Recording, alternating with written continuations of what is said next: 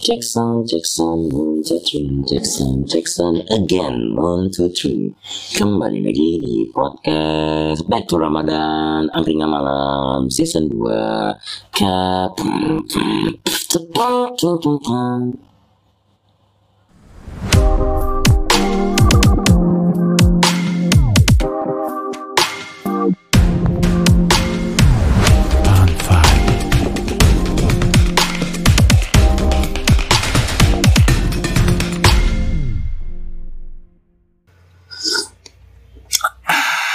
Oke, gimana kabar kalian semua? Semoga baik-baik aja. Yang baru kelar taraweh, lu hebat. Yang baru kelar habis eh, ngaji ataupun baru kelar apa namanya eh, pembahasan diskusi tentang eh, agama ataupun isu ataupun itu lu keren banget. Yang baru kelar ngobrol-ngobrol dengan orang tuanya tetap dijalani. Yang baru kelar makan malam karena tadi pas pada saat lagi buka puasa itu modal hanya gorengan doang. Dilanjutkan bro, lanjutkan sis, lanjutkan.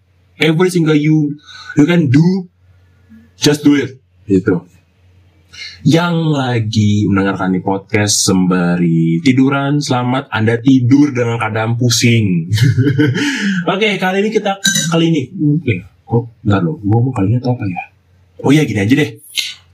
Kali ini gue akan mau ngebahas tentang bocil ganggu. Yes, bocil ganggu pada saat bulan-bulan Ramadan.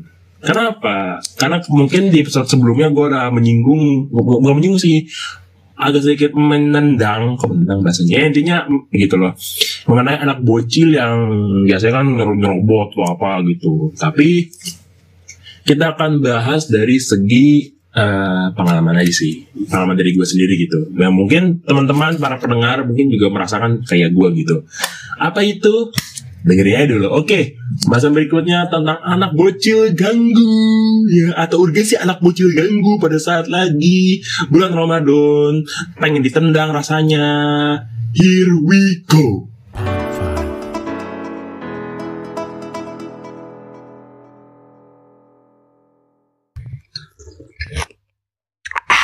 Uh, emang enak kalau bisa lagi podcast sambil ngeteh. Uh, jos. Oke. Urgensi anak bocil. Kenapa sekarang gue pakai nama urgensi? Coba. Bahkan ini ini apa agak sedikit cerita dikit lah. Gitu loh. Intermezzo dikit lah bahasanya gue. Jadi kan pada saat gue ngepost tuh postingan baru atau episode baru kan, langsung di di apa di replay dengan apa oleh teman-teman gue bilang gini, urgensi mulu, Eh, tuh bahas tuh cipta kerja, Begini sob, bukannya gue nggak mau bahas, bukan. Cuman kita yang semua kita gini loh, kita yang seorang mahasiswa yang harusnya lebih apa namanya ya, lebih semangat, lebih apa. Tapi dari apa namanya ya, dari kita bahasanya tuh satu sama lain aja udah merasa kayak ngedown gitu loh. Capek, bener-bener capek. Rasanya capek. Gitu loh. Jadi gimana untuk bisa menendangnya ya udah secara media aja gitu loh. Karena apa? Karena jujur media tuh lebih menurut gue ya memiliki, power menurut gue karena misalkan kita bisa ah, namanya itu menguasai panggung media niscayalah kemenangan tuh ada di depan mata. Oh gitu. Apalagi juga nih ini replay dari, dari temen gue yang ini kayak gini salah satu contohnya. Fik urgensi sih mm, apa nasi kotak udah kayak nama skripsi gua. Begini sob. Itu kan skripsi ya lu bukan gua gua masih lama skripsinya masih ya masih dalam angan-angan. Cuman kalau misalnya ditanya apakah sudah ada judulnya ya insya Allah ada lah. Bahkan bahkan aja kalau misalnya ditanya apakah gue enggak ya gue juga bingung gitu. Karena gue belum ada ilmunya. Oke balik lagi. Jadi intinya tuh banyak yang menaik kenapa harus pakai nama urgensi sih? Gitu loh. Maksudnya emang secara pembahasan emang urgensi itu apa sih Fik menurut lo begini sob. Gini ya kalau misalnya lu nanya gue tentang urgensi, oh tentu gue jelasin sepanjang jalan kenangan, ya gitu. Tapi gini, serem gue belum, gimana sih ngomongnya kok lidah gue kelibet ya? Eh, bentar lo. Eh, Oke, lanjut. Sebelum gue menjelaskan tentang urgensi, tah, eh lebih tepat gue sih, gue kenapa harus ngangkat tentang urgensi mulu. Begini sob, kalau misalnya kita ngebahas tentang urgensi, kita harus tahu maknanya dulu, ya nggak sih? Ya kan? Ini gue ngambil dari KBBI nih, ya. Jadi urgensi, urgen, kata Inggris urgen, artinya darurat, ya kan? Atau atau kalau dibuat KBBI itu adalah suatu keharusan. Jadi bisa dikatakan bahwa urgensi itu merupakan keadaan di mana kita harus mementingkan suatu hal yang benar-benar membutuhkan untuk segera ditindaklanjutin. Gue tahu sekarang kondisinya apa tentang Perpu Cip- Cipta Kerja yang sudah disahkan oleh Puan Mahalini. Yang penyanyi itu tuh yang tiba-tiba orang lagi nyanyi malah dimati mic-nya. Nah, itu dia tuh, atau orangnya tuh, atau pelakunya tuh. Sebenarnya dia. Cuman ah, gini loh. Jangan salahin ini menurut gue ya. Jangan salahin sistemnya, tapi salahkanlah orang yang mensahkan sistem itu, yang ngebuat sistem itu, yang menjalankan sistem itu. Itu yang disalahkan. Jangan sistemnya. Sistem itu adalah ibarat tuh kayak robot jalan sendiri. Kita nggak bisa nyalakan itu, kawan. Oke, tapi balik kepada topik. Gua nggak mau ngangkat uh, uh, yang perpu cip- cipta kerja karena sudah ada orang yang paling khusus dari apa dari gua gitu loh. Maksudnya ada orang orang-orang penting lah selain gua gitu loh. Jadi gua nggak mau ngangkat yang kayak begitu. Ah, Oke, lanjut. Urgensi anak kecil. Yes. Gua sedikit ada cerita dikit tuh. Jadi tadi kan gua kan baru eh, sholat sholat tarawih gitu bareng teman gua sih. Ya kita sholat di masjid yang dekat rumah gua. Mungkin jaraknya agak lumayan jauh karena jalan kaki kan. Nah pada saat lagi kita masuk sholat kan, oh keadaannya biasa aja normal gitu. Ya kan. Pada saat lagi eh, sholat isya rakaat kedua atau rakaat ketiga gitu tiba ada ada celetukan dari belakang gua sama temen gue ini. Anak kecil gitu bilang gini. Bila- bilangnya gini nih. Eh nanti kita main petasan yuk. Nanti nih ya, apa ya ini aku ada petasan nih baru beli gitu. Nanti main ya. Gua sama temen gue ya kita terdistract jelas terdistract cuman biasa aja gitu. Nah pada saat sudah terakhir-terakhir nih Assalamualaikum warahmatullahi wabarakatuh. Pada saat kita sudah kelar, duduk kan dengerin ceramah. Lewat 15 menit kemudian tiba-tiba jedar, dar, dar, dar. Anjir udah kayak lagi di perang anjing. Ya dulu gue juga ngerasain seperti kayak dia gitu. Cuman gue nggak begitu barbar gitu loh. Main, main petasan mending di jauh aja gitu loh. Bahkan gue gue ya waktu kecil gue punya adab bersama temen gue ya. Kita punya namanya perjanjian gitu. Kalau main jangan deket orang-orang yang lagi sholat. Kita main agak jauhan supaya apa? Supaya bisa seru. Ini asal lempar, asal duduk, asal teriak-teriak, asal nyanyi. Uh, Motherfucker, sumpah pengen gue teriak. Anjing, jangan berisik. Orang lagi sholat, orang lagi ngaji, orang lagi ibadah, malah, malah main petasan. Mending gak usah petasannya kalau misalnya petasan gini loh, petasan korek kan kita tahu kalau petasan korek kan bunyinya kayak cedus, cetas gitu, ya kecil. Nah kalau kayak petasan kayak tikus yang kayak dar atau kayak yang petasan apa tuh ya? Bukan petasan banting, bukan petasan apa yang bunyinya tuh gede banget, dar, udah kayak bom gitu. Itu bener-bener kayak oh, astagfirullahaladzim, bener-bener, umpah pengen di kalau bahasa ki, kalau bahasa gue ya kayak minta ditoyor gitu. Nah kan, oke lah. Karena gue sama temen gue ini terasa terganggu, gue pindah dong masjidnya. Karena oke lah, karena nggak apa-apa sih kan itu nggak nggak nggak ada yang larang gitu, usah pindah sholat untuk ibadah gitu, oke. Okay. Nah kita pindah. Pada saat di masjid kedua, sholat tuh, sholat santai. Eh, anak kecil. Kita baru mau sholat taraweh. Allah Akbar. Anak kecil dorong-dorongan bangke bangke bener-bener mending gak usahkan dorong-dorongannya itu hanya sekedar kayak apa bahasanya ya ya dorongan satu sama lain gitu usahkan bapak kena uh, udah debuk jatuh kan kecilnya gue sama temen gue sih nang ketawa ya gimana masalahnya sampai bapak sampai bilang gini kamu anak kecil main mulu mending pulang aja. Gue di sana itu ada dua point of view. Satu di antara kasihan satu lagi emang emang butuh namanya didikan. Gitu loh. Supaya supaya anak itu bisa disiplin. Karena apa? Di zaman pada saat gue ini gue ngambil dari uh, referensi dari pengalaman gue sih. Di era gue kalau misalkan teman-teman gue dan gue itu lagi bercanda di masjid kita dimarahin bener-bener dimarahin. Itu ngebuat apa? Sebagai kayak namanya tuh hukuman secara sosial gitu. Ternyata oh kita nggak boleh bercanda nih pada saat lagi sholat. Kasih gitu dong. Cuman kalau anak sekarang udah dimarahin malah malah makin jadi. gitu. Oke lah. Kalau misalkan diingetin sulit nggak apa-apa. Minimal makanan habis buka puasa tuh jangan dihabisin semua dong. Gitu. Masalah apa? Gini loh oke lah mungkin anak kecil nggak tahu atau apa. Cuma mas permasalahannya jangan asal serobot anjir. Kan ada orang yang membutuhkan gitu. Kan ada gitu kayaknya gini. Tadi kan habis sholat tuh. Gue ke belakang doang temen gue pengen minum gitu. Minum, minum teh lah. Minum teh yang sudah disediakan oleh teko oleh pihak masjid gitu. Minum. Kita cek dong makanannya mana gitu. Kita nanya gitu ke ya ke apa pengurus masjid gitu. Makanannya mana pak itu loh Fik biasa lah anak kecil serobot-serobotan oh ya kan. Pada saat kita pulang oh anjir. Anak kecil ngetentengin nasi kotak tiga bang kayak sumpah anjir. Nasi kotak tenteng tiga. Bahkan sampai teriak-teriak "Ha," kayak oh. Minta tak tandain rasanya sumpah.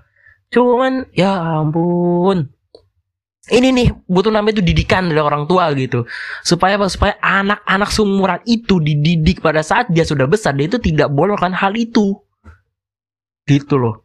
Tapi entah kenapa sudah tahu ilmunya udah ada cuma nggak dilakuin ya sama kayak manusia gitu. Tapi ya balik pada topik tentang anak kecil ini mah anak orang tua gitu loh. Asal orang tua tuh ada bahasanya apa ya? Ada perannya tersendiri loh untuk mendidik daerah sini loh. Karena apa? Kalau misalkan orang tuanya benar mendidiknya, nggak ada namanya anak kecil yang bercanda-canda tuh nggak ada.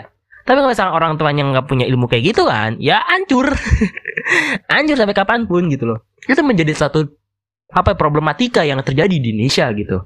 Yang ada anak kecil tuh bisa apa namanya hucu, santu, relax, malah dar, dar, woi, woi, petasan woi, shit, dar, dar, dar mulu udah kayak lagi di Afghanistan anjir, udah kayak mau perang, sumpah. Mungkin menurut gue kalau misalkan anak-anak kecil disuruh ditaruh di Afghanistan kayaknya menang deh. Karena gimana? Apa apa dilempari? Wing wing find the hole, find the hole, find the hole, find the hole. Wih lalu. Menurut gue sih what the fuck. Tapi ya Allah, ma kayak ya ya istighfar gitu loh. Tapi yang harusnya ini bagi pada apa namanya eh, parenting atau dari keluarga dari orang tuanya harusnya namanya itu ada namanya didikan gitu loh. Ini di mana kalau misalkan anak kecil yang masih di umur masih di ukuran SD atau masih sebelum SMP itu ada yang namanya didikan. Oke lah memang sudah ukurannya gede, tapi kan batas seorang orang tua untuk nge- apa namanya membimbing anaknya itu pada saat dia sudah akil balik. Itu udah akil balik baru bisa lepas. Gitu. Karena lepas dalam arti itu lepas secara tanggung jawab, enggak lebih tepat bukan tanggung jawab sih. Lebih tepatnya itu lepas secara eh, eh, rasa tanggung jawab atau dosa-dosanya anak kecil apa sih anak itu terhadap orang tua tapi secara bimbingan itu tidak terlepas. Sampai akhir hayat pun orang tua itu tetap menjalankan. Gitu loh. Nah itu ada ada tuntunan dari nabi gitu loh. Ada tuntunannya cuma gue lupa nama hadisnya apa ya? Tapi ada gitu. Nah harusnya ini menjadi salah satu yang paling penting yang paling harus bisa di apa namanya ya harus lebih di concern gitu loh. Kalau misalnya kita nih ya kita nih anak remaja nih nggak bisa nggak bisa apa namanya nggak bisa eh tidak bisa mencontohnya atau apa kita ngingetin aja eh dek jangan bercanda. Gitu loh. Tapi anak remaja sekarang juga bodoh kayak ya menang-menang baik diem-diem aja kayak ya udah Allah akbar. Ibadah boleh. Tapi sebelum ibadah ingetin dulu supaya apa? Supaya pada saat lu lagi sholat itu lebih terkondusif. Harusnya gitu. Cuman oh my god.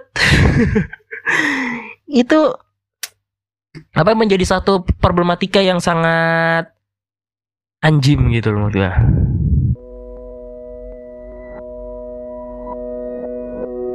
Harusnya menjadi eh mau tuh orang tua, mau tuh anak remaja, butuh namanya itu salah satu eh apa namanya tadi? stimulus. Stimulusnya apa? Semangat. Semangatnya apa? Motivasi. Motivasi mo- motivasinya apa? Lihat keadaan. Lihat keadaannya apa? Lihat terjadi yang sedang lu lihat. Apa? Anak kecil gitu anak kecil aja, misalnya gini, usah anak kecil aja belum bisa lu urus, ya kan? Gimana lu bisa mengurus yang besar, gitu loh. Usah yang besar aja belum bisa, gimana lu bisa mengontrol satu dunia, gitu loh. Jadi gimana?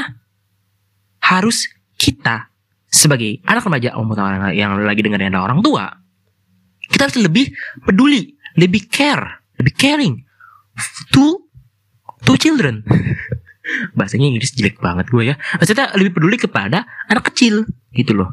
Kalau anak kecil aja kita bisa urus, gimana yang besar? Besar kita bisa urus, gimana yang satu dunia? Bisa kita urus juga, easy peasy.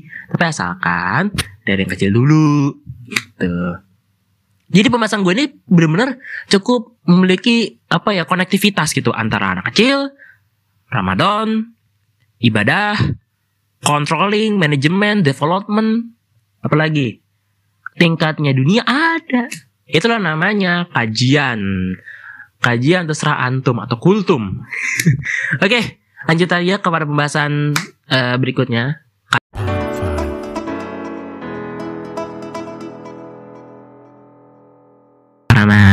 Ini adalah sesi eh, apa namanya kultum kuliah terserah antum dari gua sendiri. Karena yang namanya kita sebagai mahasiswa atau remaja ataupun orang tua yang sedang menekan ini lebih harusnya lebih peduli lagi gitu loh. Gimana caranya eh, sorry itu ya gimana kalau misalnya lu mau bisa mau sukses secara uh, apa bermanage nya lu. Kalau misalnya kalian kecil aja belum bisa gitu jujur aja setingkat gua apakah gua sedang berusaha? Gua juga sedang berusaha. Contohnya apa? Ini podcast gua hidupin lagi. Kerjaan gua gua hidupin lagi. O- o- apa organisasi gue hidupin lagi. Apalagi eh baca bacaan buku gue juga gue lagi lagi ngatur ngaturin jadwal atau bisa baca lagi. Itu adalah salah satu kontrol yang paling penting gitu Ken segitu aja. Lanjut ke sesi selanjutnya here we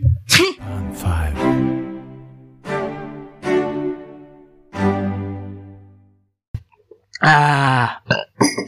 Uh. Stay power. Oke. Jadi urgensinya untuk kesimpulan pada kali ini adalah sebagai remaja atau orang tua harus lebih peduli. Karena anak kecil kan menjadi salah satu eh, harta jangka panjang yang harus yang harus dijaga ya kan atau long investment gitu Padahal kita tidak bisa menjaga harta tersebut ibarat kata kita akan kehilangan kesempatan emas Nah, bagaimana cara kita bisa memanage ya? Kita harus lebih mengcontrolling. Kontrolnya gimana? Apakah dengan cara kekerasan? Tidak. Kita harus lebih apa namanya ya? Lebih eh, segi eh, apa ya? Pendekatannya itu pendekatan secara eh, intern kepada anak gitu loh. Apakah internnya orang tua dengan anak remaja itu berbeda? Jelas berbeda. Gitu. Karena orang tua itu memiliki ikatan batin antara anak dan orang tua. Kalau anak remaja, kita hanya ibarat ibarat kata kayak ya udah lu tua dia muda udah. Ibaratnya kakak ade atau abang atau ade atau om atau apa pun itu namanya lah. Ya itulah. Nama itu apa ya eh, hubungan gitu. Relation gitu. Kalau misalnya kita bisa ngatur itu niscayalah kemenangan itu akan dekat. Tapi kalau misalnya lu aja nih masih ngelihat bahwa anak kecil tuh kayak ya udahlah biarin aja. Biarin dia main petasan. Jangan. Gue belajar dari jam dari era gua. Kalau misalnya andai kata nih gua nggak sadar tentang substansi dari agama mungkin gua sampai sampai detik ini mungkin masih kayak pikiran gua kalau misalnya terawih ya main-main atau apa. Tapi ya nggak nggak bisa gitu juga dong. Karena di umur gua sekarang ibadah tuh menjadi salah satu hal yang terpenting dalam hidup gua sekarang. Untuk apa? Untuk gua lebih sadar tentang jalannya hidup tentang apa namanya rules rules yang sudah diatur oleh Allah subhanahu wa taala dan lain-lain gitu loh. Tapi kalau saya andai kata gua tidak dididik ya mungkin gue akan bisa bisa out of the way gitu. Mungkin gue akan keluar dari track gitu loh. Nah apalagi anak anak zaman sekarang yang kita bersama bahwa anak anak zaman sekarang tuh lebih gampang terkena pikiran liberal daripada yang lebih eh, bermahasiswa gitu atau yang udah tua. Tapi lebih yang lebih gampang termudah dapat pikiran itu adalah orang-orang yang liber apa ya yang anak-anak kecil ini yang nggak pernah dapat ajakan yuk sholat yuk yuk jangan bercanda yuk atau gini-gini. Itu nggak dapet. Itu yang didapat adalah marah marah marah. Marah tuh boleh sebagai bentuk hukuman sosial. Tapi kalau misalkan sering dimarah-marahin mulu tapi tidak ada namanya aksi dalam waktu dalam bentuk ajakan cara baik-baik untuk bisa merubah sikapnya dia ini saya lah nggak akan pernah dapet. Nggak akan pernah bisa terjadi namanya perubahan yang signifikan. Nggak akan pernah terjadi jadi itulah pentingnya namanya sistem parenting di tingkat orang tua remaja kepada anak-anak yang sedang sholat di masjid pada saat terawih. Oke, mungkin segitu aja pembahasan kali ini. Cukup simple, relax, uh, enjoyful. Ya, I hope this episode will going to uh, something eh, good Ya, mungkin bisa dapatkan benefit-benefit yang bagus buat diri kalian-kalian. Dan gue juga minta tolong tolong di eh, di follow eh, IG gue follow podcast gue di semua platform mau tuh Pogo mau tuh Spotify mau tuh di First Story ataupun di mana pun tolong di subscribe tolong dibantu di share share supaya apa? Supaya pada saat gue bisa eh, mengundang orang-orang besar itu keadaan sudah bagus. Ya gimana cuy? Lu ngundang orang tapi misalkan di diri diri diri gue sendiri belum bener ya gimana gitu loh. Nah jadi tolong bantu gue ya eh, para pendengar eh, setia dari podcast angkringan malam. Sekian gitu aja. Jangan lupa ya sekali lagi nih di follow semua sosial media gue mau Instagram mau semua platform gue diwajibkan follow. Kalau bisa di subscribe kalau bisa kok di subscribe ya? Kalau bisa di kolom dikasih kolom komentar? Apa pun itu. Mau request mau apa atau apa silakan.